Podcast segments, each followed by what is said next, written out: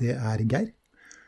Du, før vi starter dagens episode, så tenkte jeg å si at postcassen vår er sponset av Mindblown, en livsmestringshub.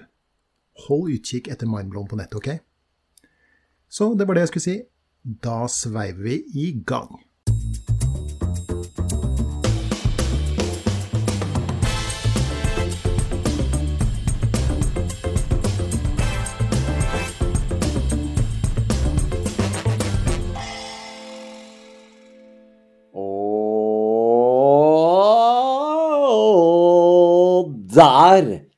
Er vi i gang igjen, Geir, med podkasten Gi litt mer faen, The Podcast. The Podcast. Episode 72. Ja, det er eh, Det er luksus, det. Det lakker og lir, som du sier. Ja, det er ikke mange som har laga 72 episoder av en podkast. Mm, Nei, hvis du ser på verdens befolkning, så er det kanskje ikke det. Men sånn i Ja, podkastsammenheng så er det jo det er relativt beskjedent. Er det det? Det er det, vet du. Ja. Eksempel vår, eh, vår gode venn som ikke vet at vi eh, eksisterer, han er Hva heter han der gærningen borte i USA? Joe Rogan. Joe Rogan, ja. Hva er det han er på nå? 2000 episoder eller noe? Ja, Noe i den retninga der. Dit kommer vi aldri. det tror ikke jeg heller. Men vi har jo et liv. Jeg tror jo Joe Rogan har et liv, men det er jo det som er livet hans. Han har jo studio i, eh, i huset sitt, Ja. og så får han jo all verdens kjendiser da, vet du, til å komme dit. ikke sant? Det går jo ikke tom for dem. Det er jo forskere, og det er MMA-utøvere, og det er artister, og det er kunstnere, og det er det ene med det tredje. Man snakker jo med alle. Men det er jo bra motivasjon å vite at du er verdens største podkast, da. Ja, det, det skulle jeg tro. Det er vel et par millioner nedlastinger per episode. Ja, det er helt sprøtt. Ja, det er helt Man sprøtt. kan godt tenke seg han tjener en og annen krone på det også. Kanskje, hvem vet. Ja, hvem vet. Men sånn øh, Ellers, ja. Ellers øh, går dagene bra. Ja, Det er fine dager. ok. Eh, Hvordan, hvordan, er, hvordan er fine dager? Fine dager er å kunne være på Hurum, drive med fysisk aktivitet, trene valpen, eh, drive med bygging og Skal du trene, trene valken? Ja, valken og valpen. Valpen, ja. Ja. Faen, skal begynne å bli frekk nå, plutselig. 72 episoder tok det. ja. Ja, ja. Nei, så ehm, Og så sitte inne på dette Jeg vet ikke om jeg har fortalt at jeg har bygd anneks, men jeg har bygd et anneks. Så Oi. sitter jeg her og jobber, da, vet du. Ja, ja, ja, ja. Skriver så blekket det... spruter. Ja, jeg ser jo deg på uh, skjermen. Og, um, og du har jo bytta plass. Bytta plass. Vi gjør det stadig. men Når du har et så svært anneks, så må du variere litt. Ikke sant? Men du har også satt deg sånn at du har utsikt over uh, Oslofjorden. Jepp. Nå ser jeg over til uh, lyset i Drøbak. Det er faktisk en byggeplass der som har en forferdelig lyskaster, så der kommer jeg til å sende en klage. Hva betaler man skatt for, sier jeg. Ja, det sier jeg også. Så Men, men hva er det du sitter og jobber med så blekket spruter for tida? Du, nå eh, Det var et retorisk spørsmål, syns jeg. Er, eh, driver og skriver på et nytt foredrag. Ok. Eh, Ja, Rent foredrag, eller er det noe kombo ute og går her? Ja, det er edutainment. Er det riktig? Ja, er det ikke det de sier? Uh, men jeg syns det er mer foredrag enn det er uh, Men det, jeg vil jo at det skal være et veldig underholdende foredrag. Det aner meg at det ikke handler om norsk fiskeripolitikk i gråsonen i eh, 1973. Nei, det var et hot tips, egentlig. Det skulle du sagt litt tidligere. Nei, det er eh, et eh, foredrag som du og jeg har snakket eh, Kanskje uten at du veit om det, egentlig. Mye om. Eh, hvor, eh, hvor jeg liksom tar eh, Den forestillingen vår gir litt mer faen, og podkasten har jo satt i gang mye prosesser oppi topplokket til Unge Hersteine Mhm. eh, som jeg har lyst til å få ut. Ehm, og hvis jeg kan fortelle de tingene som jeg har oppdaget, og som jeg syns er eh, Ja, som øker min eh, livsglede, og det kan gjøre det for eh, noen andre, da har jeg veldig lyst til å prøve på det. Um, greier du å, sånn på stående fot, jeg skjønner at det kan være vanskelig, men greier du å si noe om altså, hvordan eventuelt skiller det seg fra gi litt mer faen-forestillinga? Litt mer konkret kanskje hva som er målet mitt med foredraget. Eh, at eh, pri 1 ikke er eh, Eller kanskje det er det, jeg veit ikke jeg tenker meg om, men eh, Gi litt mer faen-forestillingen var jo på en måte en hyllest til, til min eh, egen healing. Uh, og at uh, jeg ville fortelle flest mulig, inntil Erna Solberg og gjengen bestemte seg at jeg ikke fikk lov til det likevel pga. noe sykdom, så uh, er vel det foredraget her betydelig mer pinpointa, vil jeg si, for å bruke et godt nynorsk uttrykk. Hva, hva legger du i det? Pinpointa? I det så legger jeg at jeg har et klart formål. Jeg har sett og hørt ekstremt mye motivasjonsforedrag, inspirasjonsforedrag, lest 48 selvhjelpsbøker, sett en trillion eh, motivasjons- og selvhjelpsvideoer. Vært på gud veit hvor mange kurs jeg har vært på opp gjennom årene, både når jeg jobba i TV og jobba i salg og og nå for tiden så er det jo rett som det er at jeg er, er konferansier også på dagtid for, for, selskaper eller foreninger, hvor det er mange forskjellige foredragsholdere i løpet av en dag. Og av en eller annen grunn så skal alle ha én sånn type som motivasjonsforedrag Altså det ene foredraget skal alltid være sånn motivasjonsforedrag, da. Mm. Eh, og uten å klatre opp på den hvite høye hesten, så ser jeg der at det er i hvert fall eh, en del lerreter som jeg kan være med på å farge, i hvert fall. Mm. Mm. Litt kryptisk der, altså. Men uh, Jeg syns det var kryptisk. Ja, litt uh, kryptisk lerreter og, og, farging og sånn, men, men, Nei, men jeg syns det, det, er noe som mangler der ute, da. Uh, Ut ifra det som har hjulpet meg, ut ifra ja. sånn som jeg jobber, så uh, det er ingen som har kommet med den biten det, er, det, er, veldig lett å si. Det er ingen som kommer og holder foredrag om, eh, om metakognitiv terapi eller, eller eh, om de gamle stoikerne, f.eks. Mm. Eh, som er ting som du vet jeg har blitt veldig opphengt i. Men det høres veldig seriøst ut. Er det, er det, så seriøst som det kan høres ut som, eller er det Jeg klarer jo ikke det. Godt, eh, godt driv? Jeg klarer jo ikke bare å være seriøs. Eller jo, vet du hva. Seriøst er det. Det er, veldig, det er, et veldig seriøst foredrag, men det er utrolig morsomt, tror jeg. Mm. Og det er ikke noe Det er ikke noe sånn at fordi at du har mye humor og underholdningsfaktor i det, at eh, det behøver være noe mindre seriøst for det. Mm. Ja, det er for så vidt sant. Så Men hvis du sier seriøst som slash kjedelig, grått, konservativt eh, foredrag, så er det ikke det. Nei, det, det, tror jeg skulle holdt hardt at du kunne gjort noe sånt. jeg, helt, jeg, kan ikke helt se hvordan Da måtte noen stikke et par sånne heklepinner opp i nesa på meg, dratt ned noen tråder. Ja, ikke sant. Mm. Men er, eh, hvor langt har du kommet da? Altså er, er, det bare kjølen som er strukket så langt, eller hvor, hvor er du i prosessen? Det vil jeg jo si at uh,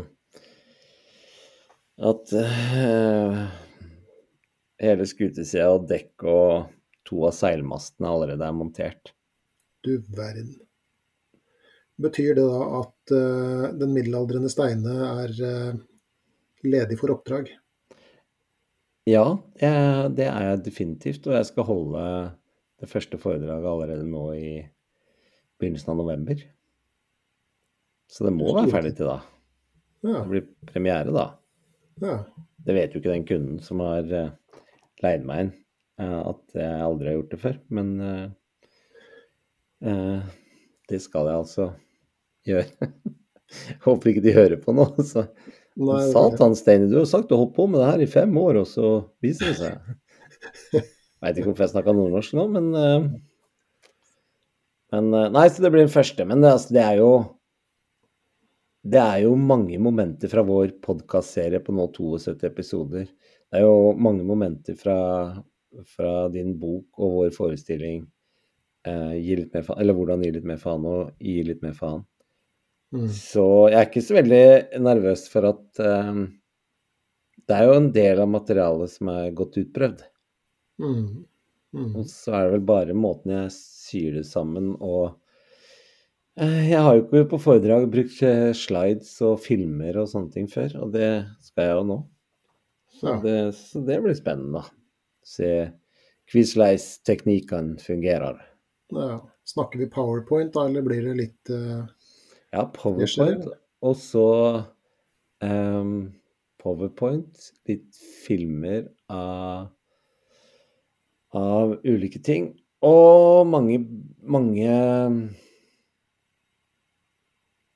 Mye eksempler. Men flanellografen lar du stå i skapet. Flanellografen er eh, Jeg har sagt klart fra til at det, det er ikke helt usikkert, men, eh, men foreløpig godt parkert, ja. Ok. ok. Ja, så bra. Men det var nok om, eh, om meg, Geir. Litt over til deg. Hva syns du om meg? Jo, jeg Hva da? Hva bedriver de altså, med? Ja, jeg bedriver jo det som jeg snakka om i forrige episode, altså det som kalles KIPS, altså kurs i praktisk stresshåndtering. Nå er jo, nå er jo um, film nummer én ferdig. Uh, det som da blir innledningen til det her. Uh, og så er del én ferdig, som handler litt om uh, hvordan vi mennesker reagerer på stress, og hvordan vi har en tendens til å um, hva skal vi si føre oss både i, i, eh, i kropp og sjel da, hadde jeg nær sagt. Eh, Den er nå under eh, redigering og utforming og sånt nå, så den begynner jo også å bli ferdig. Så, og det er mye å, å styre med. Men er dette sånn som alle kan få tak i dette her, altså? Ja, altså I utgangspunktet så ble jo det her lagd for en helseaktør. Mm. Og Så viser det seg at det er flere helseaktører som er interesserte, og, og nå begynner de å spre seg. Eh, så dette kan jo være aktuelt for eh, hva skal vi si, både privatpersoner, bedrifter, bedriftshelsetjenester, eh, offentlige etater osv. osv. Så så det blir sånn e-kurs? Ja, ja, på en måte så blir det det. Ja. men, men ikke den der kjipe, gamle formen, holdt jeg på å si. Nei. Vi tror at vi har funnet en formel da, som, som er eh, hva skal vi si, som er litt eh, friskere og også litt mer personlig og, og sånt noe. Så ja, vi får se. Det kommer ut en liten sånn teaser-video på det ganske snart, faktisk. Ja, da må du få lov å få se på den. Ja, absolutt. Absolutt. Så nei da. Så det er Er det det framtiden skal drives med? Det er jo mye det. Og så ser vi jo da for oss at det også skal lages en podkast som eh, skal skal vi si, bidra til litt sånn merverdi der, og kanskje utdyping av visse poenger og sånt noe. Mm. Eh, Og så håper vi da å få bygd på det her på en sånn måte at det kan være aktuelt for um, ungdomsskoler og videregående skoler å lage en litt sånn ungdomsversjon av det. Mm. Uten at jeg skal ha på caps uh, bak fram og, og si yo kids eller noe sånt. Men uh, Lol, ass! lol, liksom. Men, men uh, nei, men det er noe med å få Hva skal jeg si, da? Få ut det budskapet som vi nå har snakka om i, i ja, Når vi er ferdig med denne 72 episoder. Altså dette med hva er det som er normalt? Hva kan man gjøre noe med? Hva kan man ikke gjøre noe med? Hva, hva må man rett og slett bære her i livet, og hvordan gjør man det? ikke sant? Mm. Og jeg er jo av den oppfatning, og her er det jo selvfølgelig absolutt lov til å være uenig, men, men jeg, det jeg ser rundt meg i hvert fall, er jo Hva skal jeg si, da? Det, det, er, det, er, det er mye sånn fokus på å bli kvitt ting, og at du ikke skal ha det fælt og sånn, men livet er jo pinadø ikke enkelt, ikke sant? Eh, og det å snakke både med voksne og, og ungdommer om det, det, det, der tror jeg det er noe å, å hente, da. Mm. Og, nei da, så, og det, kalles jo, det prosjektet kalles jo voksesmerter. Ja. Og det sier jo en del, altså bare tittelen. Ja. Eh, Fordi at livet er jo en, kan være en eneste lang voksesmerte, ikke sant. Mm. Det er litt som Søren Kirkegård, den eh, danske eksistensielle filosofen, sa om ikke sant? Altså at livet må leves forlengs, men forstås baklengs, på en måte. Mm. Og vi går jo alle gjennom det her mysteriet her og prøver å finne ut av ting. Eh, og så kan man jo også tenke at det kan være greit å, å få litt sånn pekepinner, og, og at noen ja, kan vise en sånn cirka-retning, og hvor det er lurt i terrenget å gå og sånn. og Jeg vet ikke, jeg. Noe i den retninga der. ja. Så vi får nå se, da. Men ved siden av full jobb osv. Så, videre, så er det jo det er mye å styre med. Ja. Men du liker det? Ja, jeg liker det. Eh, Jeg liker det på samme måten som jeg eh, har likt denne, dette prosjektet vårt med denne podkasten. Altså, Mm. Er det til hjelp for noen, så er det ingenting som er bedre enn det, da. Nei. Men apropos det, Ja. kjære venn, Ja, så har jo vi tatt en beslutning. har vi det? Ja, vi har jo det ikke spill om nå. De, Dette de har tatt en avslutning, Vitil. Jeg, bare- jeg er bare glad for hver, hvert minutt jeg får tilbringe sammen med deg. Ja da, og vi skal jo tilbringe mange minutter sammen framover, så det er ikke noe fare med det. Men eh, akkurat gi litt mer faen. The Postcast, der går vi mot slutten. Så episode 72, som vi er inne på nå, det er da Nå tørker. Tommy tårene med et hvitt Ja. papir. Ja. Går det bra? Rett og slett så Ja, ja, det, det Ikke tenk på det. Nei, Det er eh, Men dette er nest siste episode. dette er nest siste episode. Det er bare å rive av plasteret og si det. Vi, vi, Ja, det er det. Vi skal ha en, den her og så en episode til.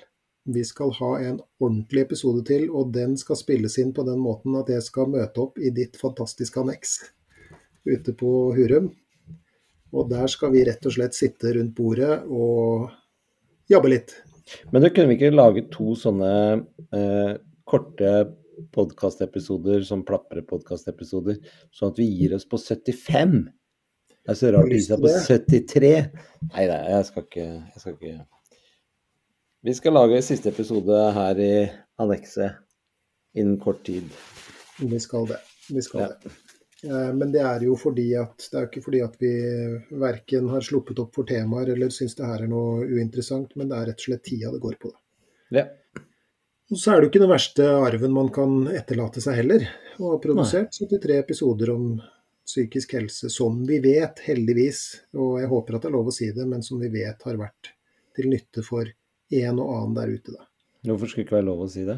Nei, i Norge og sånn, vet du, du vet. Man skal jo kanskje ikke Men uh, Det gir jeg faen i, kjenner jeg. Så Ja, men det er bra. Det er Ja. bra. Men uh, ja. Nei da. Så, så sånn er det. Men Så i hvert fall. Så det blir uh, Neste episode blir altså den siste episode 73. Eh, men det blir en litt spesiell episode allikevel. Det blir ikke bare siste episoden. Det blir på en måte Vi har snakka litt om at det blir på en måte litt sånn eh, Vi snørper igjen i bånd, liksom. Ja da. Og Det blir jo en liten sånn oppsummeringsepisode og sånt noe. Yeah. Så jeg gleder meg til det, altså. og litt sånn behind the scenes må vi ha.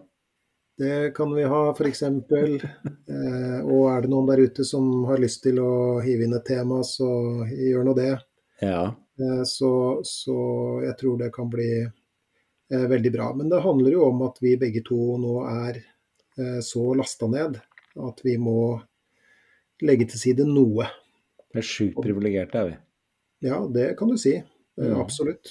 Eh, Men da er det altså da Gi litt mer faen det postcast som må, må vike denne gangen. Ja. Inntil videre, i hvert fall. Inntil videre, ikke sant? Ikke sant? Vi kan jeg- si det.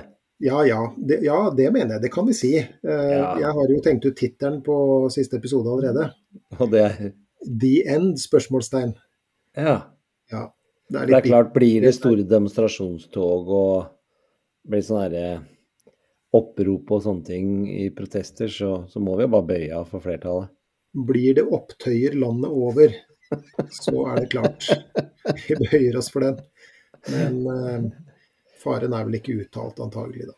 Det er den Men, ikke. eh, nei, men, eh, men det er en foreløpig eh, avslutning, og så vet man aldri. ikke sant? Altså Når nei. du har ditt på plass, og, og, og Kips uh, ruller og går forhåpentligvis osv., så, videre, så så Mm. vet man jo aldri hva som skjer med det. Og, og så vet man jo heller aldri, og det her har jeg tenkt på, da. Og det her er jo fra toppen av huet, som de, for å oversette fra engelsk. Um, uh, skulle det nå ramle inn et eller annet tema f.eks. I, i innboksen vår som vi syns er særlig interessant, så, så skal du ikke se bort fra at vi, det blir en stunt ekstra episode, ikke sant. Det kan Mm. godt tenkes. Men, eh, men eh, Ja, en foreløpig avslutning. Vi kaller det det. Ja. Inntil videre. Inntil videre. Episode 73 inntil videre. Inntil videre. Vi sier det sånn. Men vi skal gjøre episode 42, 72 først. Det skal vi. Og vi er nå også Det her er også en slags avslutning, vet du. Ja, det er det. Og vi har endelig kommet oss gjennom, eller vi skal i dag komme oss gjennom alle de tolv reglene til eh, Jordan Peterson, og vi skal slutte da med, med regel eh, tolv. Ja. Eh, og da dermed i boken kapittel tolv. Har du oversikt over når vi sendte den første? Det kan vi fort uh, få oversikt over. Skal vi se, jeg skal Det er litt scrolle artig å se hvor lenge vi har holdt på med boka. Nei, skal vi se her, da. Den ble sendt i november Det står ikke noe nærmere enn november 2021. Så vi har holdt på nesten et år med boka til John Peterson. Det har vi. Men det har jo vært noen sånne små episoder innimellom. Det har det, Det altså. har det. Det har det. Uh, skal vi se Og så ble vi stoppa tre uker av teknikken. Det ble vi også, og Sommerferie, Også juleferie. Ja. Ja. Vi hadde julepratspesial innimellom der. Vi hadde alkoholisme i nær familie. Vi Mm. hadde frykt for fremtiden, vi hadde psykisk vold og mobbing. Uh, Sommerpratespesial 2022. Ja da, så det har vært noen episoder innimellom, altså. ja. Men det er i hvert fall snart et år siden vi begynte på dette prosjektet. Ja, det er det. Så, Ja, det er det. så det er en omfattende bok. Det kan vi i hvert fall slå fast før vi Det kan vi slå fast med en gang. Og du verden, jeg har kaldsvetta over noen av de kapitlene der, altså. Og så hadde vi jo en liten prat før vi gikk på lufta nå, jeg nær sagt, eller vi trykte på record. Mm. Eh, Og da sa du at det kapitlet her syns du var det vanskeligste, men for meg så var det det letteste, i anførselstegn. Kan ikke du Ja. fortelle litt om hvorfor du tenker at det her liksom var det vanskeligste? Ja, kanskje ikke riktig ord av meg å si vanskeligste sånn, men øh, jo, jeg bruker ordet vanskeligste fordi ehm, For det første så har jeg i arbeidet med å lage disse episodene her sånn på en måte måtte refreshe eh, boka, som jeg vet ikke, det er vel tre år siden sånt, når vi kjøpte den boka Mm. tror jeg leste første gangen. Eh, og for å gjøre det enda mer lett å holde flyten på det, så har jeg også lastet den ned som lydbok. Helge Winther Larsen leser. Eh, veldig bra. Um, alle kapitlene. Og vi har jo sagt det til det kjedsommelige at, eh, at Jordan er jo tidenes digresjonsmester. Mm. Eh, eller vi Jeg tror det er digresjon. Jeg tror ikke det er Jordan Peters mener det som en digresjon. Jeg tror det er, han, eh, det er hans måte å jobbe seg fram til. Det er hans, hans meditasjoner. Det er jo hans stil. Ja. Han, altså, da vi var i, i um, Oslo Spektrum nå, Mm, så har han jo samme stilen. ja. Han fikk spørsmål fra salen, og så begynte han, og så havna han langt utpå. Det var snirkler og styr og ståk, og så henter han det alltid inn igjen, og da knyttes alt pent sammen. ja. Det har vært Så gøy å spørre han faktisk rett ut noen gang eh, hvilken bil syns du er finest? Ja, det vil Eller hvilken, eller hvilken låt er det du syns er den fineste låta, eller Mm. Men eh, det var en digresjon. Eh, så jeg syns vel at Selv om at jeg tror nok at jeg har forstått eh, essensen i også denne regelen, Eh, eller ut ifra sånn du fortalte, eller som vi snakket om i stad, så, så, så, har jeg det. Men jeg synes vel at det var for meg om kanskje enda mer krumspring før han kommer fram til Det er, jo for det første mer, veldig merkelig tittel på den regelen. Mm. Uh, og så begynner han hele, hele den regelen med å snakke om eh, Han snakker jo om det, Hvis du ser en katt på gaten, klapp den, eller hva er det akkurat hvor riktig ordet er? Klapp en katt når du møter en på gaten, sier han. Ja. Som muligens er den mest bisarre tittelen på alle kapitlene, da. Ja, ikke sant? Og så begynner han jo hele kapittelet med å snakke om hund. Ja. Så jeg syns det var en uh, en regel som jeg syns tok meg litt tid å skjønne. Mm. Det var det jeg mente med det. Ja, ja. Hvorfor syns du det var den enkleste? Nei, altså jeg syns at dette var det enkleste på den måten at sånn jeg forstår kapittelet, så er det Så danner dette kapittelet en slags ikke avslutning, men et overbygg til alle de andre kapitlene. Um, og han sier jo selv at dette er det mest personlige kapittelet han har skrevet i boka. Uh, og han starter jo med altså En ting er at han starter med denne utlegningen om hunder og katter. holdt jeg på å si. Han ber jo nærmest om unnskyldning for at han bruker katt som eksempel, fordi at han vet at det er mange som liker hunder osv.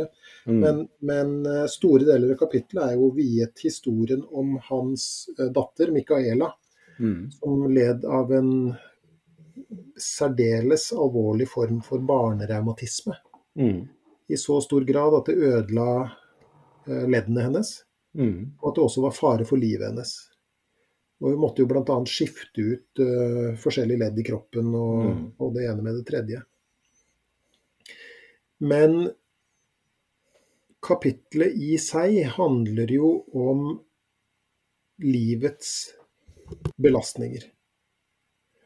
Litt som vi har vært innom i ganske mange episoder også, hvordan uh, forskjellige religioner og filosofier osv. Eh, peker på at, at, livet er lidelse, eller i det minste at livet innebærer lidelse. Mm. Eh, og at det er det han eh, snakker om, altså hvordan finne mening i det faktum at livet har et potensial for lidelse. Mm. Og hvordan bære lidelsen når og hvis den kommer. Eller egentlig når den kommer, da, ikke for å være altfor mørk her, selvfølgelig, men, men, den kommer jo alltid. Før eller seinere. Mm. Og de fleste som uh, hører på, har erfaring med at livet ikke er så enkelt bestandig. Tror du ikke alle har det? Jo, ja. uh, det tror jeg jo. Uh, eller det vet jeg jo. Én ting er jo at jeg jobber med det til vanlig og treffer ja, hva skal vi si Hva de kaller det? Hvermannsen. Mm. Eh, Ola og Kari og, og, og gud veit hvilket navn de har, nordmann. Mm. Eh, og, og, de har jo sine belastninger. Noen har litt mindre enn andre. Mm. Andre ser ut til å få nesten alt. Mm. Noen ser ut til å ha seilt gjennom ganske bra, men det vil alltid komme. Egen mm. sykdom, andre sykdom. Og til slutt det mest bisarre, egentlig, hva skal vi si, i et menneskeliv, er det faktum at vi skal dø en gang. ikke sant? Ja. Og, og, eh, det er jo et, eh, litt av et mirakel at vi ikke er fra oss av eh, engstelse til enhver tid. Mm. Bare gjennom å tenke på det faktumet, liksom. Men, men, men, vi er jo ikke det. De fleste av oss lever på en måte med den vissheten eh, uten at den, eh, hva skal vi si, har eh, veldig store omkostninger for oss, før den mm. kanskje banker på døra for alvor, da. Mm. At veldig høy alder melder seg, og at sykdom melder seg, f.eks. Ikke sant. Jeg fortalte jo forrige gang om den derre blodproppen som jeg fikk i leggen, og det var en sånn derre Det var et lite sånn bank på døra, syns jeg. Ja. En liten sånn påminnelse om at ok, greit, men du er ikke fritatt, du heller. Nei. Du er ikke noe unntak. Um, kroppen din fungerer på akkurat samme måte som andres. Mm. Um, og det er jo en sånn tanke jeg også har hatt da, for å, for å snakke litt om det. Altså, du vet at det er jo mange som Hva skal vi kalle det? Man kan begynne å tenke liksom Hvis man da rammes av et eller annet, så kan man liksom Hvorfor meg? Ikke sant? Mm. Men den mer naturlige tanken som kanskje bør melde seg, er hvorfor ikke meg? Mm. Altså selvfølgelig meg. Mm. Hvorfor skulle jeg være unntatt? Men det er jo kanskje en del av det forsvaret vi har på et vis da, mot, mot, livet. At vi er i stand til å Og jeg tror at det er en god ting. Mm. Vi er i stand til å lulle oss litt inn i eh, troen, eller kanskje håpet, da, på at vi er annerledes, og at, at det ikke kommer til å skje oss. Men det gjør det jo. Ja, det tror jeg ganske definitivt. Hvis vi alle skulle gått rundt og vært sikre på at det kommer til å at vi alle kommer til å lide av en eller annen fæl sykdom, og sånt, så tror jeg det, det hadde vært betydelig mer utfordrende å, å se lys på livet, du. Mm, ja. ja. Så Det er eh, sant. Og John Peterson, er... han, han, Hva sa du nå? Nei, jeg eh, skulle bare liksom eh, respondere på akkurat det du sa, det her med lidelse og livet. Og det er det er vanskelig å Hvordan skal jeg si det? Jeg syns det er vanskelig når man står oppi det, å se en mening med hvorfor det skal være så mye lidelse globalt, ikke minst. Mm. Eh, og hva hensikten med det skulle være. Hadde vi ikke hatt det bedre hvis, hvis vi var fritatt for sykdommer og fattigdom og krig og hadde vi ikke da vært eh, Men jeg så et annet foredrag som Jordan Peterson snakket om, eh, og han får spørsmål om hva han tror er meningen med livet. Mm. Eh, og da, da, da, refererer han jo til denne regelen igjen, og sier at hvis ikke vi hadde Hva var det ordet han brukte? Hvis ikke det var noe vi måtte overkomme, så tror han hadde vært vanskelig å finne en mening med livet. Mm. Hvis det ikke var noe vi måtte bekjempe, hvis det ikke var noe vi måtte mestre. Eh, hvis ikke det var risiko for at også du rammes av eh, nitriste, forferdelige, kjipe, sorgfulle ting, så eh, tror han mener John Pitson har vært vanskelig å se Vanskeligere for oss å funnet en hensikt med å mestre hverdagen. Mm. Mm. Og det mm. er eh, Ja, gudene skal vite at man skulle så, vidt, man skulle så klart ønsket mye av den dritten jeg har opplevd, i hvert fall. Da. Så jeg skulle mm. tenke at det skulle jeg gjerne vært foruten. Men det er ikke så sikkert jeg gjerne skulle vært det, egentlig.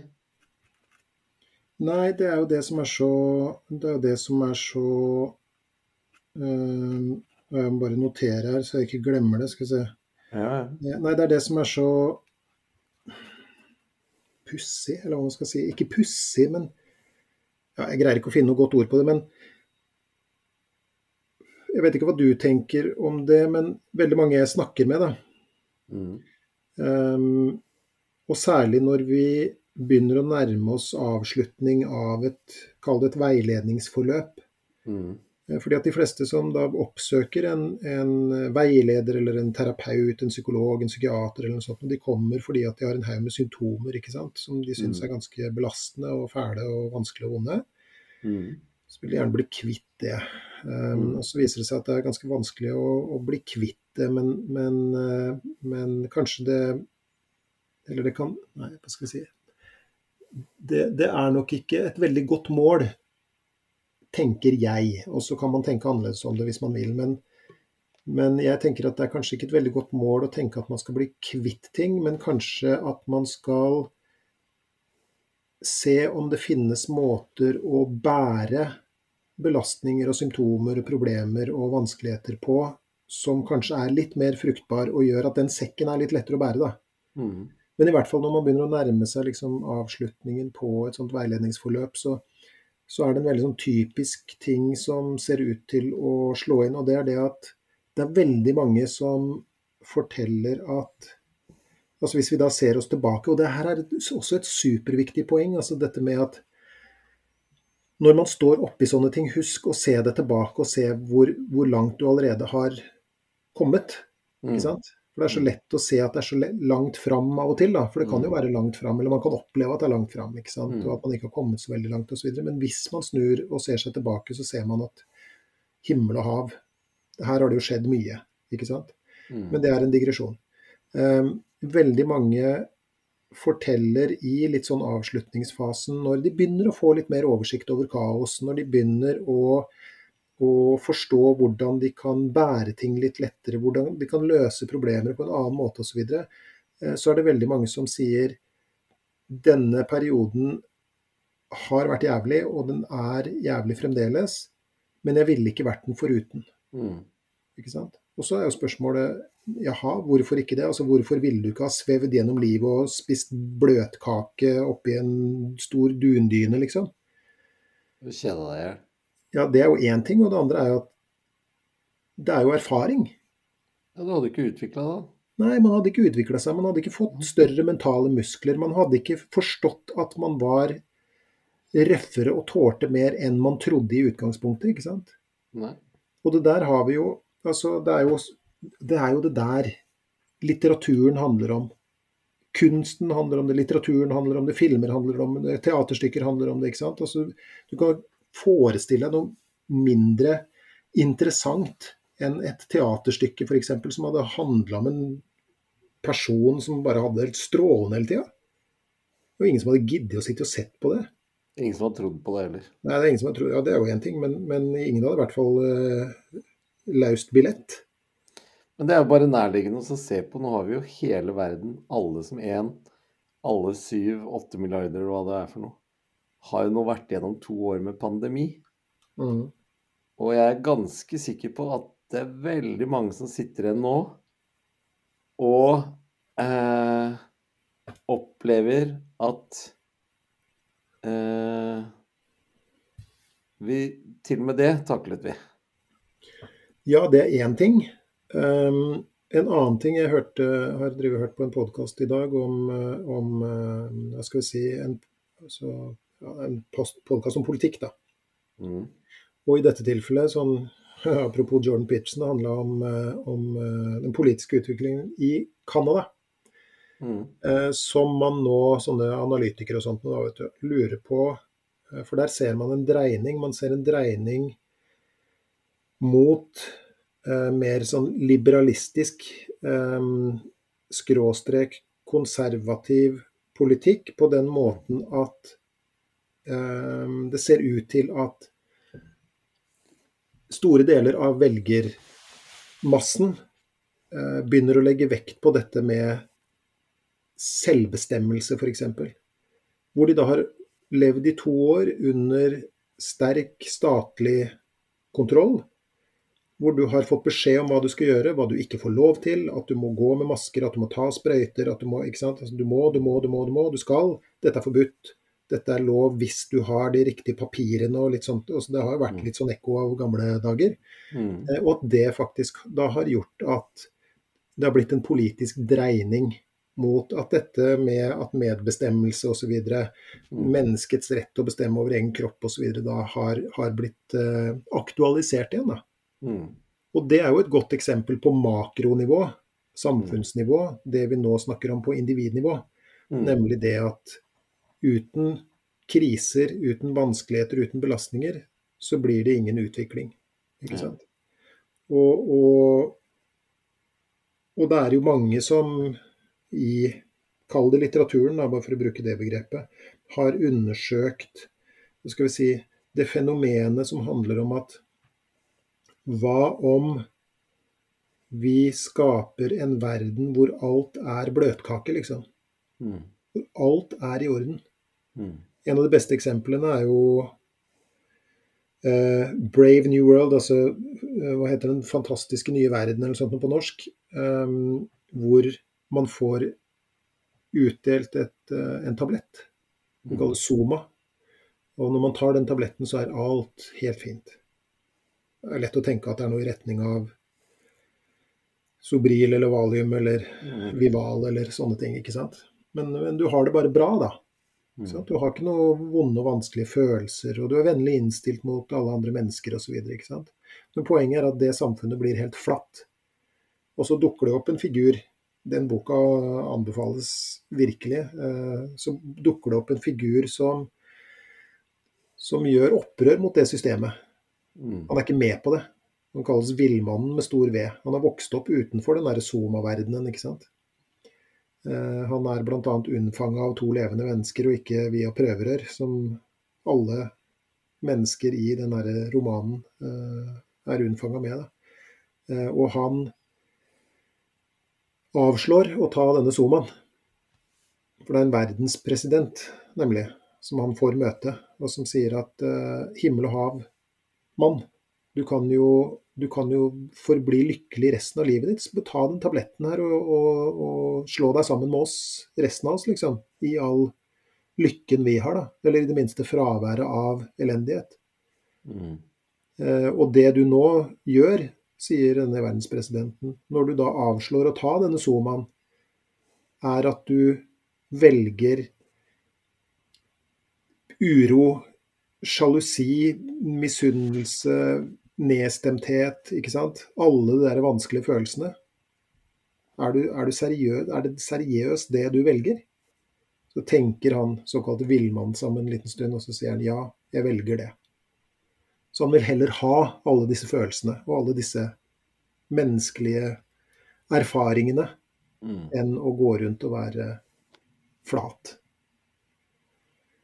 Og det samme er jo med, med en bok av, av Dostojevskij som heter 'Opptegnelser fra et kjellerdyp', hvor, hvor, det er en person som, en navnløs person som sitter og, og snakker, og en ganske sånn bitter type. da. Men han sitter også da og filosoferer og, og tenker at eh, han filosoferer over menneskets natur, da. Mm. Og så sier han at du kunne gitt mennesket Altså, mennesket hadde ikke gjort annet enn å sitte i boblebad og spise bløtkake og ha sex dagen lang. Men før eller senere så ville mennesket begynt å ødelegge ting bare for at noe interessant skulle skje. Så det ser jo ut til at vi er, eh, er lagd sånn. Mm. Og jeg vet ikke, altså du har jo eh, noe av årsaken til at både showet gir litt mer faen og denne podkasten kom i gang, mm. Eh, eller ble noe av, var jo det du opplevde mm. den gangen. Og spørsmålet er jo ville du vært det foruten? Overhodet ikke. Hvorfor ikke? Fordi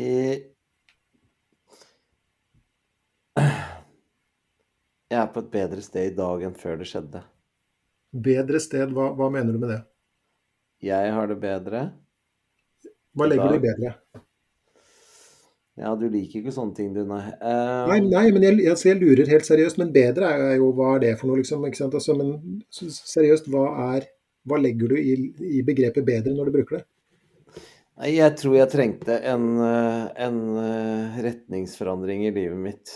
Uh, og jeg vet ikke om jeg har nevnt det, jeg tror jeg sa det ganske tidlig i podkasten også. Så denne pilegrimspresten som er oppe i, i Nidaros Det er en fantastisk prest for øvrig. Uh, han sa det til meg når vi snakket om det, så sa han også du må huske på at når Vår Herre opererer, så gjør han det uten bedøvelse.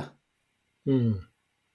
Um, og med det så mente han vel at uh, man må igjennom uh, Eller ikke må, men når mennesker går igjennom sånne ting som jeg, da, som plutselig var redd for absolutt alt i hele verden og ikke ville gjøre noe annet enn å ligge i fosterstilling 24 timer i døgnet. Når jeg kom meg gjennom det, mye takket være eh, deg og boken din og jobben vår og forestillingen og ikke minst interessen jeg har hatt for oss å lese Vi har jo aldri lest så mye bøker og, og sånn som jeg har gjort i den perioden her. Det har jo gjort har også vært med på å påvirke mine verdier Ikke påvirke, men det har gjort at de verdiene som egentlig betyr noe for meg, har blitt mye klarere enn det det var før. Mm -hmm. Og dette gapet mellom, som vi har snakket om mange ganger, du og jeg, dette gapet mellom ideal-meg og virkelig meg er betydelig mindre. Ergo så er jeg nærmere langt ifra i mål, også ikke misforstå. Eh, men i hvert fall så er det gapet betydelig mindre enn før dette inntraff. Så det betyr at eh, denne indre sinnssyke uroen som jeg har hatt i så utrolig umåtelig lang tid, er mindre. Og når jeg har mindre uro i kroppen og har en mer, sånn jeg ser på det, en endret livsholdning, så har jeg mye mer Jeg setter pris på dagen enn det jeg hadde før der. Selv om jeg har mye mindre materialistiske ting, da. Men hadde det ikke vært bedre at det, at det som skjedde deg i Hva var det for noe? 20, 2017. 2017. 2017. At det aldri hadde skjedd, da? Nei. Hvorfor det? Ja, For da hadde jeg ikke lært meg de tingene. Hadde jeg ikke, hadde jeg ikke tatt meg det bryet da, med å jobbe meg og tilegne meg den kunnskapen, rydde opp i livet mitt, eh, fokusere i mye høyere grad på å holde min sti ren, eh, finds, altså ha mye mer spissa inn hva er det som er mine virkelige verdier, og hvordan skal jeg nå de? Mm. Jeg tror jeg bare fortsetter å seile på. Mm. Så hadde kanskje clashen vært enda større og enda mer dramatisk, da. Mm. Og den var jo dramatisk nok. Absolutt. Så nei, jeg ville ikke vært den foruten. Og jeg tror ikke jeg hadde sittet her jeg sitter i dag, med det jeg har oppi øverste topplokket, som du det tror jeg ikke jeg hadde tilegnet meg hvis ikke eh, den smellen hadde kommet, da. Mm. Og jeg tror jeg er et bedre menneske i dag enn jeg var for fem år siden. Mm. For meg selv, altså. Ja, ja. Men eh, hva om smellen kommer igjen, da? Ja, men det frykter jeg ikke. Fordi at Nå vet jeg jo eh, Og det kommer sikkert mange flere smeller. Du vet det. Men nå gidder jeg ikke å bruke Eller gidder. Nå velger jeg å ikke bruke energi på å bekymre meg for at de smellene kommer. mm. Mm. Det er litt sånn Man gruer seg Man gruer seg til sin første eksamen, da. Mm. Svetter og får ikke sove og Herregud, jeg kan jo ikke Jeg kan jo ingenting. Jeg, jeg vet ikke hva eksamen er engang. Hvordan skal jeg hvordan skal jeg oppføre meg på eksamen? Så har du gjort eksamen en gang, da, så er det sånn Ja, nei, men altså, jeg var jo godt forberedt sånn, så dette var ikke så farlig. Da er det ikke så ille å ta neste eksamen. Mm. Det samme alt, altså, jeg, jeg tror det er med mange Jeg grua meg første gangen jeg skulle ta bakkestart på bil. Kaldsvetta og var dritstressa og Nå så tenker jeg jo ikke på det i hele tatt. Mm. Men hvis jeg ikke hadde pint meg gjennom det, de tre-fire første kenguruhoppa jeg hadde med bakkestart, så hadde jeg jo ikke lært meg det. Mm. Hvis Mm. ikke jeg hadde vært gjennom den smellen som jeg har vært nå, så hadde jeg jo ikke fått den ballasten som jeg har fått nå, som gjør at de neste smellene eh, er ikke sikkert blir like store, da. Mm. Og ikke minst så er jo mye av årsaken til at jeg fikk den smellen, det er jo ting jeg har gjort noe med. Nå, for at jeg har vært klar over det, hva jeg skal gjøre, og hvordan jeg skal gjøre det, og hvorfor jeg gjør det. Det var jo ikke før den smellen. Mm. Sånn at symptomer, eh, som du kaller det, eller tegn på at eh, nå kjører jeg meg sjøl for hardt, eller er mye, eller jeg er mye mer lydhør til de tegnene nå. Og dermed så føler jeg at jeg er, eh, jeg er mye mer rusta, da. Mm. Ok, så, så litt sånn livserfaring på et vis, da. Ja, Vært ute en vinternatt før. ja det skal gudene vite nå. Ja, ja. Så det er, jo, det er jo det På den ene side så er det det dette kapittelet handler om. mm, Det handler om å Hva skal vi si Altså én, det handler om å ha en ikke-naiv holdning til livet, da. Mm. Det er litt som historien om Noah, ikke sant. Mm. Noah får beskjed om at flommen kommer, eh, og han bygger en båt. Og den Mm. båten er solid. Den, den bærer. Og Det betyr ikke at han ikke er fortvila og sjøsyk utpå der, ikke sant. Det er han jo antagelig. Mm. Og ser mørkt på ting og lurer på om det her noensinne kommer til å gå bra. Men, men båten bærer i hvert fall, da. Men det andre aspektet, og som kanskje er det største aspektet ved dette kapitlet, handler også om noe annet. Eh, Og det er dette med å Når flommen har kommet, Mm. når flommen kommer, ikke sant? og hvis du ikke har opplevd en flom i livet ditt, så vil den komme før eller seinere. Og det å gå rundt og være naiv og litt sånn som jeg sa i stad sånn, Nei, men det skjer ikke meg, vet du, ikke sant. Og jeg er jo fritatt for, eh, for eh, livets kjipe side, liksom. Jeg håper Mm. i hvert fall det. Det er en sånn naiv holdning. Og så har du den, den realistiske holdninga som handler om jo, det vil skje meg. Jeg vil oppleve ting i livet mitt, enten det er kjærlighetssorg eller tap av øh, funksjon, eller Mm. tap av relasjoner. Enten Mm. gjennom øh, brudd i kjærlighetsliv eller dødsfall. Det skjer hos alle.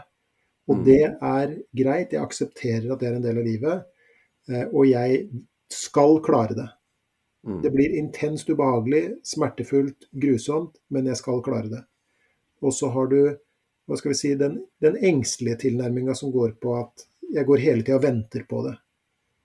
Det er den litt sånn bekymra tilnærminga. Og det som da skjer, er at jeg bruker opp alle kreftene mine i forkant. Mm. Så det er litt som, eh, litt som eh, den helseengstelige som går og venter på at han skal få en dødelig sykdom. Men hva med all tida fram til du eventuelt får en dødelig sykdom? Hva skal du bruke den tida til? ikke sant? Det er, jo, det er jo spørsmålet.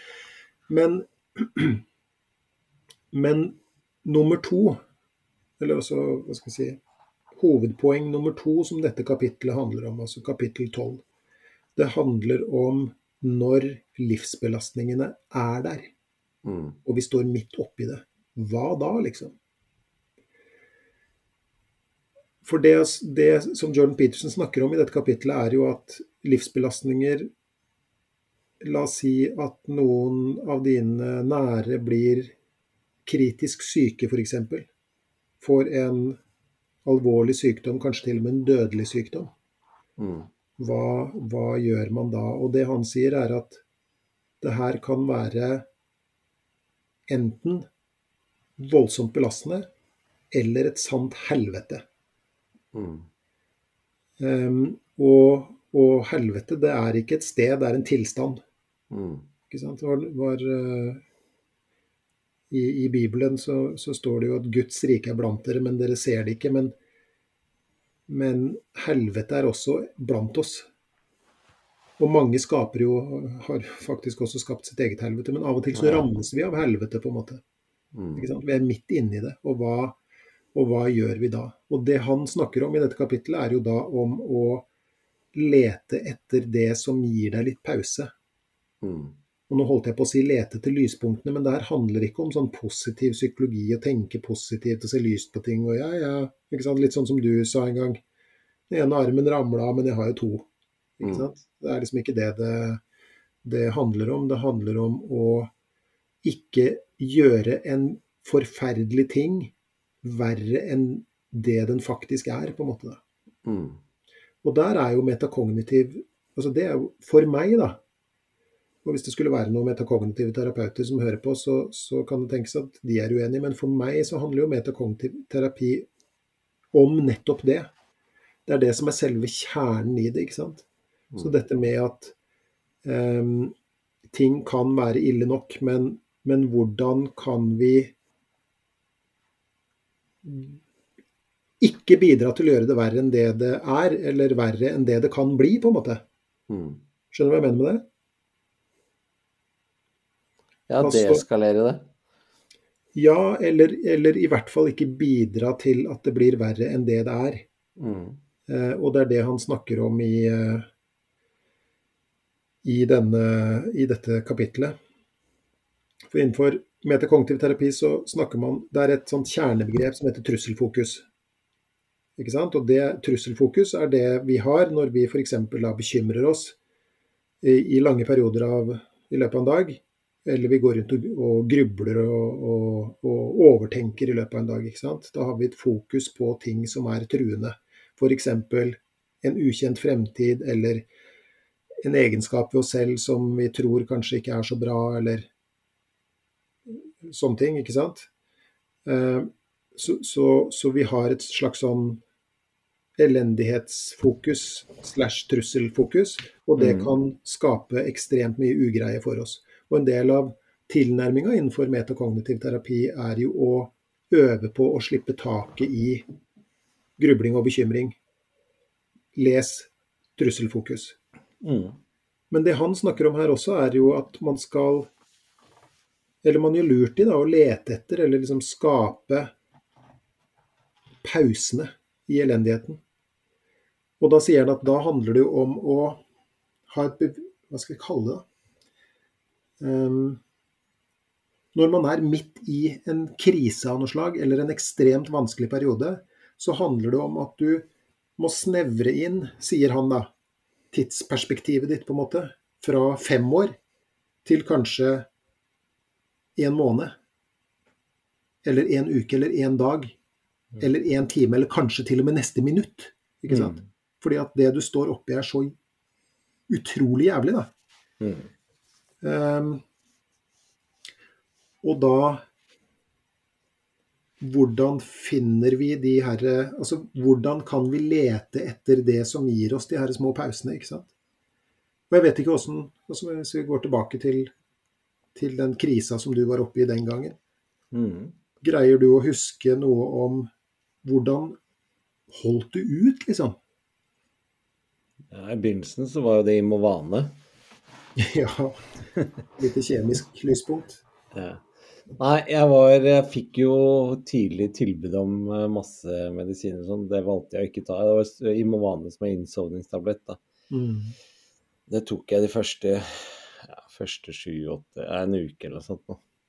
Mm. For, jeg, for jeg klarte ikke å sove heller.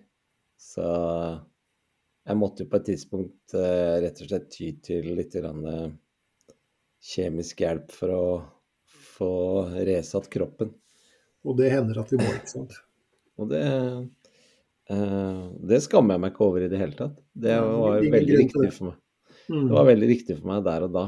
Men samtidig så var jeg også veldig for, forsiktig, og ikke minst Linda også var veldig påpasselig at det måtte ikke bli den hvileputen Mm. Eh, som jeg skulle ha i all evighet framover. Um, så jeg tror at det som etter hvert ble løsningen for meg, eh, er nettopp som det du sier. Eh, for det første som er overveldende, som slår deg, er at eh, shit, jeg kommer faen meg aldri til å bli frisk igjen.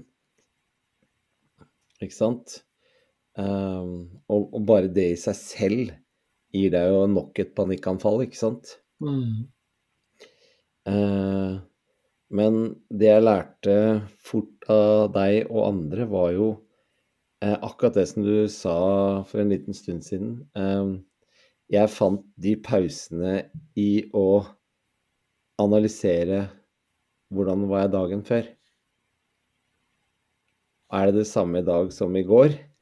Eller er det ett minutts bedring? Eller har jeg gått ti meter lenger rundt huset, eller har jeg sovet fem minutter lenger, eller ikke sant. Så, så det ble nesten en sånn derre Jeg hadde, hadde to-tre sånne seanser i løpet av dagen hvor, eh, hvor jeg liksom skulle se OK, hva har vi gjort annerledes i dag enn det vi gjorde i går, og hvordan har det funket? Og nesten av seg selv, og egentlig uten beregning fra min side i det hele tatt, men så ble det ble det på en måte en opphold i, i det tankekjøret som jeg var så låst fast i. da. Mm. Um, det på en måte ble satt litt på pause. Og så etter hvert sånn jeg... Unnskyld at jeg avbryter deg, men jeg er bare nysgjerrig ja. på det her. Altså, det, det, høres nesten ut for meg, da, når du forteller det her, som at du konkurrerte litt mot deg selv. Altså dette med å, å, å gå ti meter, ti meter, lenger den dagen. Mm. Um, altså, var det sånn, eller, eller kjenner du ja. ikke det? Jo, jeg kjenner igjen For meg så ble det litt sånn um, For å motbevise at det aldri kom til å bli bedre, så måtte jeg på en måte se er det samme denne uka her som forrige uke. Eh, Linda var sikkert kjempelei av at jeg spurte så mye om det også, men jeg sa i dag har jeg jo spist litt mer, eller i dag har jeg jo Mm. eh, ledd. Husker jeg lo i stad, eh, ikke sant? Jeg, nå har jeg ikke ledd på ikke sant? Så det blei sånne eh, Uten at det ble manisk på noen måte, altså. Det var eh, det var mer Og etter hvert så lærte jeg også den teknikken av, av deg, ikke sant. Det her med å inngå date med, med de tankene. Så ble det en sånn lite sånn pauserom, ikke sant. Fordi da, da I begynnelsen så fikk jeg jo bare et par minutters pause eller ett minutts pause, men etter hvert så ble det forlenget til fem minutter, og så var det, gikk det jo fem minutter mellom hver gang de tankene slo meg i gulvet, ikke sant. Mm. Eh, og så gikk det plutselig ti minutter mellom hver gang, og før jeg ante ordet av det, så var det, kunne det gå en time og to også. Mm. Um, og det var jeg veldig sånn obs på å følge med på.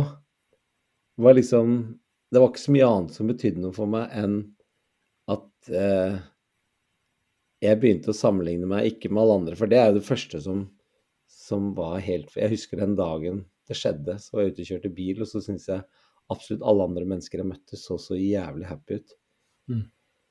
Og jeg ønska at jeg var absolutt alle andre jeg møtte. Til og med små, gamle labradorer som gikk rundt som sånn ruslebiff, ville jeg heller vært, liksom. Å, tenk om jeg bare kunne få lov å vært den labradoren. Så jeg har veldig sånn sammenligna meg med andre mennesker og å, se på de, dem, og de har det sikkert ikke sånn som jeg. Um, og klok av skade i ettertid så skjønner jeg at det var helt idiotisk. Men eh, Men, Men- naturlig. Veldig. Veldig, og veldig, veldig menneskelig, vil jeg si. Men eh, etter hvert så ble jeg flinkere til å sammenligne meg med meg sjøl i går. Jeg vet ikke om jeg, jeg sier det på litt sånn klønete måte, jeg, men Ja, det skjønner jeg hva du mener. Det var den eneste måten. Jeg kunne jo ikke sammenligne med andre mennesker, for jeg kunne ikke vite om jeg var bedre eller dårligere eller eh, flinkere eller ikke flinkere, eller alle disse begrepene som blir brukt. Det hadde jeg jo ikke noe parameter på å måle på. Men jeg kunne måle overfor meg sjøl om jeg hadde sovet mer, om jeg hadde spist mer, om jeg hadde gått lenger, om jeg hadde smilt mer, om jeg hadde eh, fått jobbet mer. Liksom. Jeg, jeg pinte meg i den perioden til å fortsatt holde fullt eh, med show. Mm. Og, ikke sant? og det, den perioden så var jeg sånn Jeg begynte nesten å si nei til jobber som var for langt unna å kjøre, for jeg grua meg så fælt til å være aleine i bilen Mm. på vei til eller fra. Så det kunne jeg måle òg. Nei, nå har jeg begynt å ta jobber i Drammen og Skien, og nå skal jeg jo til Kristiansand. Så jeg hadde en sånn parameter. Så jeg sammenligna meg veldig mye med meg sjøl. Og på Mm. den måten, i den prosessen, så fikk jeg, fikk jeg disse pausene, da. Mm. Som etter hvert bare lengre og lengre. Og, og det var, var min eh, mestringsstrategi der og da. Mm. Jeg tenker jo tenker at det, det ofte kan handle om å, å overleve fra dag til dag, da. Mm. Overleve i overført betydning, selvfølgelig. Men å overleve fra dag til dag til skal vi kalle det tilpasninga slår inn. Mm. For at vi mennesker er heldigvis reffe vesener. Ekstremt Det, adaptative. det, det hindrer jo ikke at vi har det aldeles forferdelig når det står på. Nei, nei. Ikke sant? Eh, Men, men vi har den fordelen at vi altså Kjære, se hvordan vi har befolka den planeten her, f.eks. I alle slags Mm. klimaer og til alle tider og til, i alle forutsetninger og sånt noe.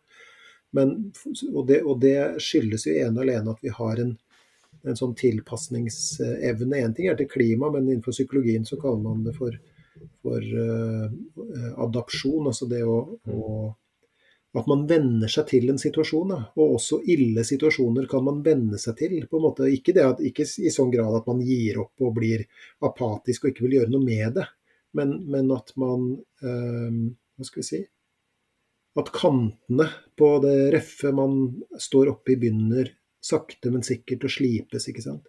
Og det er jo det han snakker om i dette kapittelet, altså det å holde ut. Jeg, jeg, jeg hadde en klient her forleden, faktisk. Hun sto oppe i midt i en, altså en, en, en forferdelig eh, situasjon. Trenger ikke å si noe mer enn det, holdt jeg på å si. Nei. Eh, og hun hadde da funnet måter å fordele denne belastningen i familien på. Som gjorde at hun av og til fikk de her små pusterommene fra uh, det fæle som skjedde. da. Mm. Uh, uh, Vegard, min kone, jobber jo på intensiv. ikke sant? Mm. Intensivavdelinga. Og hun sier eh, veldig ofte, og jeg tipper at alle hennes kolleger også sier det, altså når, når folk blir innlagt der, ikke sant? Og, og, det er jo ingen steder på et sykehus de er mer daudsjuke enn på en intensivavdeling. Med unntak eh, av akuttmottak antagelig, men, men, eh, der er det jo bare en kort stund. Mens på intensiv så, så kan du jo ligge i ukevis og månedsvis og sveve mellom liv og død. Og ofte er det familie involvert, ikke sant. Og de mm. er jo også ofte i sitt livs krise. Men det, det hun forteller, da, er jo at hun ofte da sier til familien nå må dere gå ut herfra. Og så må dere gjøre noe annet. Dere får ikke gjort noe fra eller til. Det er vi som passer på. Mm. Ikke sant? Denne situasjonen er forferdelig. Dere trenger kreftene. Så nå må du hjem og sove. Mm. Og så må du spise. Mm. Og så må du gå tur.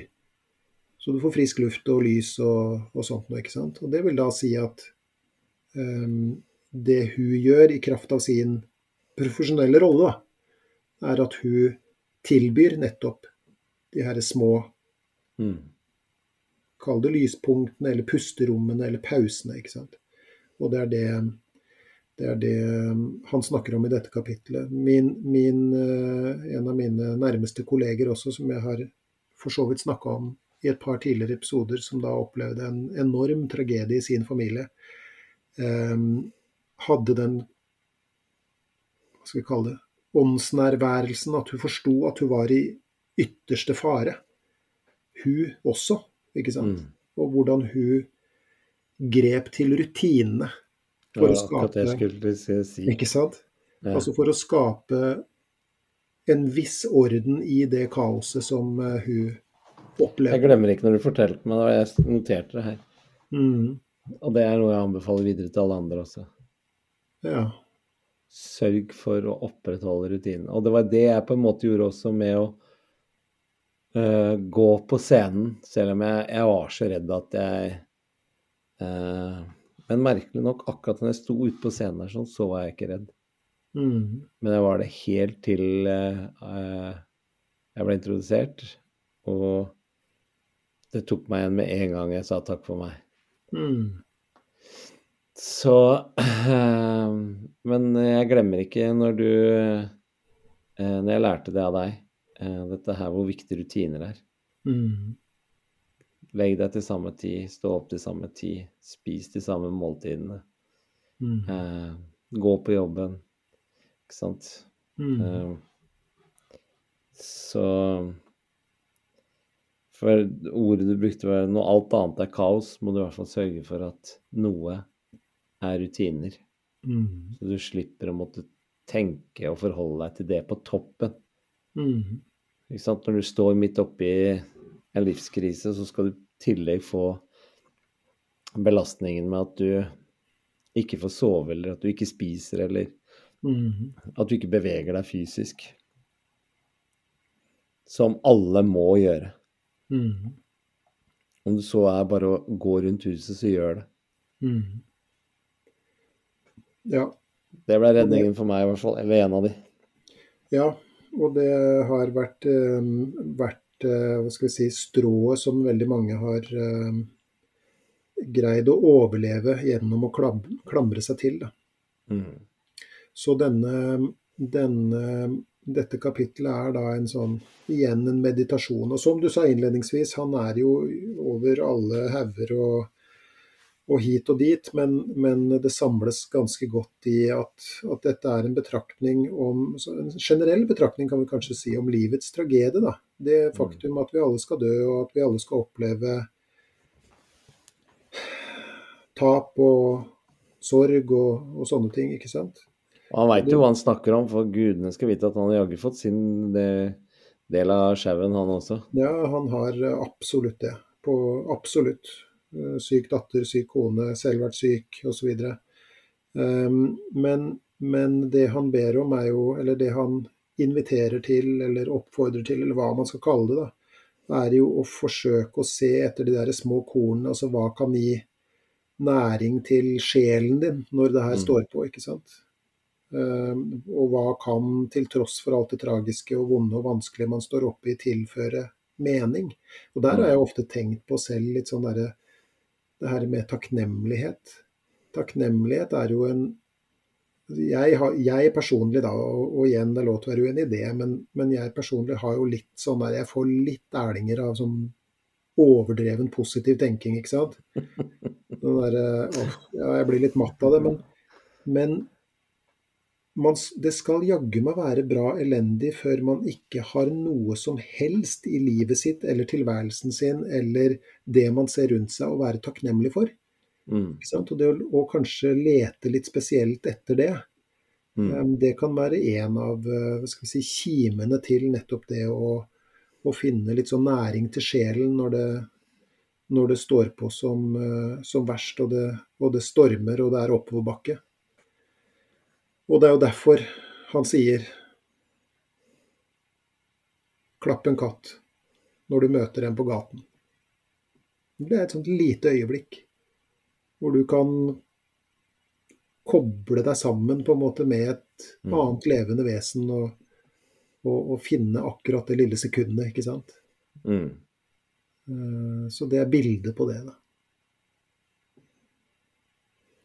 Ja, nå syns jeg ikke episoden var så vanskelig likevel. Nei, det er bra, det, da. Det er bra. Men han er, ja, han er jo ikke noe Han er ikke en enkel mann å, å, å lese. Eller litteraturen hans er ikke spesielt enkel å lese, syns jeg. Um, Nei, det er eh, Første gang jeg husker jeg leste, så måtte jeg legge fra meg boka igjen. Mm, Det var litt for eh, jeg, jeg skjønte ikke, og da hadde jeg det jo på engelsk i tillegg. mm. Jeg husker da jeg begynte å høre på på forelesningen hans som ligger på YouTube. Mm. Han har jo lagt ut en hel haug med forelesninger fra da han jobba som professor på universitetet. Um, både fra hans egen bok som heter 'Maps of Meaning', Mm. eh, men også en del sånn, hva skal vi kalle det, litteratur, skråstrek, bibelske forelesninger sett i et psykologisk og filosofisk lys. da. Mm. Uh, og jeg husker jeg blei så trøtt. Altså, og det var på Det var ikke, og jeg understreker ikke, fordi at det var kjedelig. Det var ytterst interessant. Men det krever var, litt. Ja, det krever altså så, så mye. Mm. Eh, og, og heller ikke fordi at han bruker noe avansert språk eller noe som helst, men det er altså så mye som settes i gang, og det kverner og, og sånt nå, at jeg blei helt utslitt av det.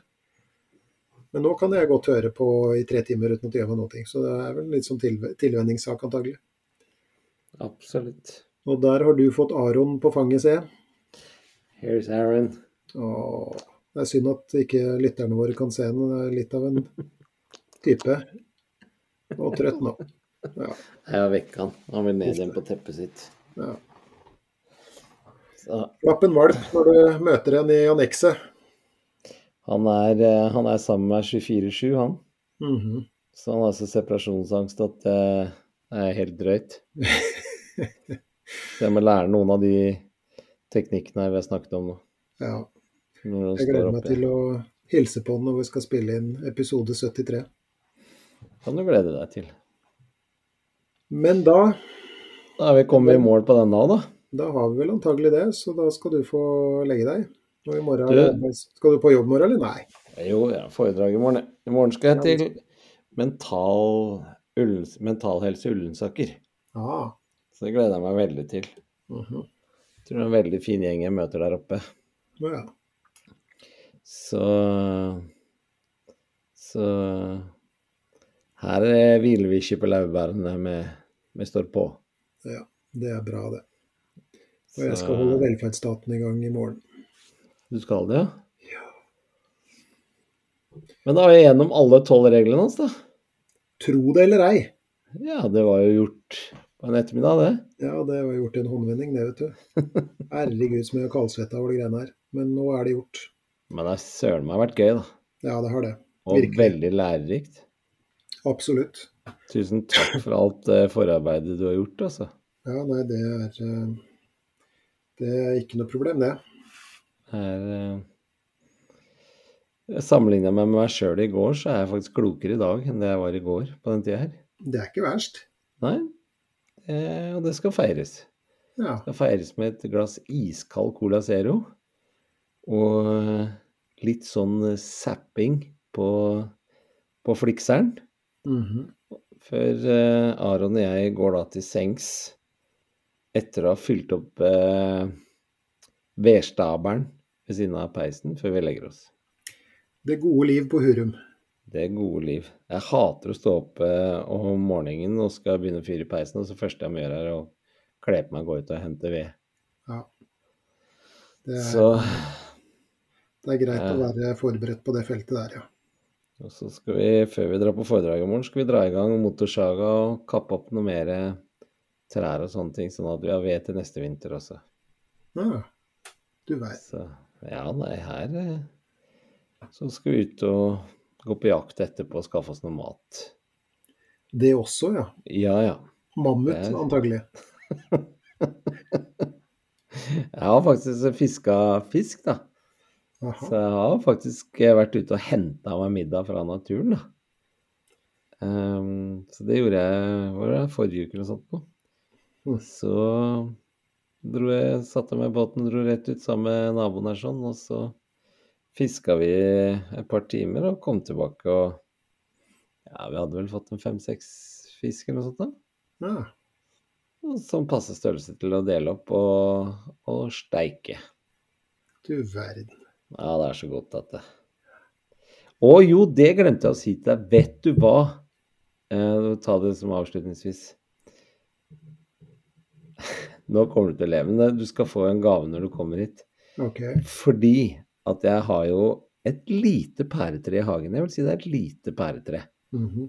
I, I målestokk med de andre pærebøndene i Norge, så ville nok ingen sagt at Eller folk visste ikke at jeg hadde et pæretre, men jeg visste det. Ja. Og så har jeg vært litt sånn overrasket fordi ja, morellene det var jo i sommer, og epler det var jo i slutten av august, eh, i hvert fall i september. Så høsta. Men pærene har ikke blitt modne.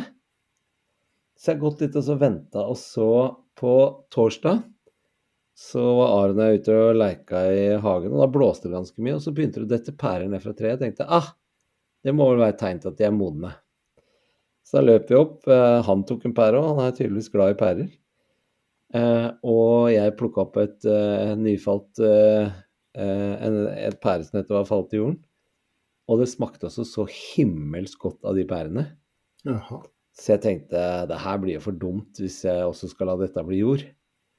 Så jeg gikk inn og henta en pose, og så tenkte jeg jeg kan i hvert fall plukke en pose med pærer, og så finner jeg noen måte å oppbevare de på. Så jeg plukka den posen, den ble litt tung, jeg tenkte ikke det var så mye. Og så tenkte jeg nei, dæsken, skal jeg lage syltetøy, Skal jeg lage pæresaft? Skal jeg lage eh, sylta pærer så jeg har til dessert ved juletider?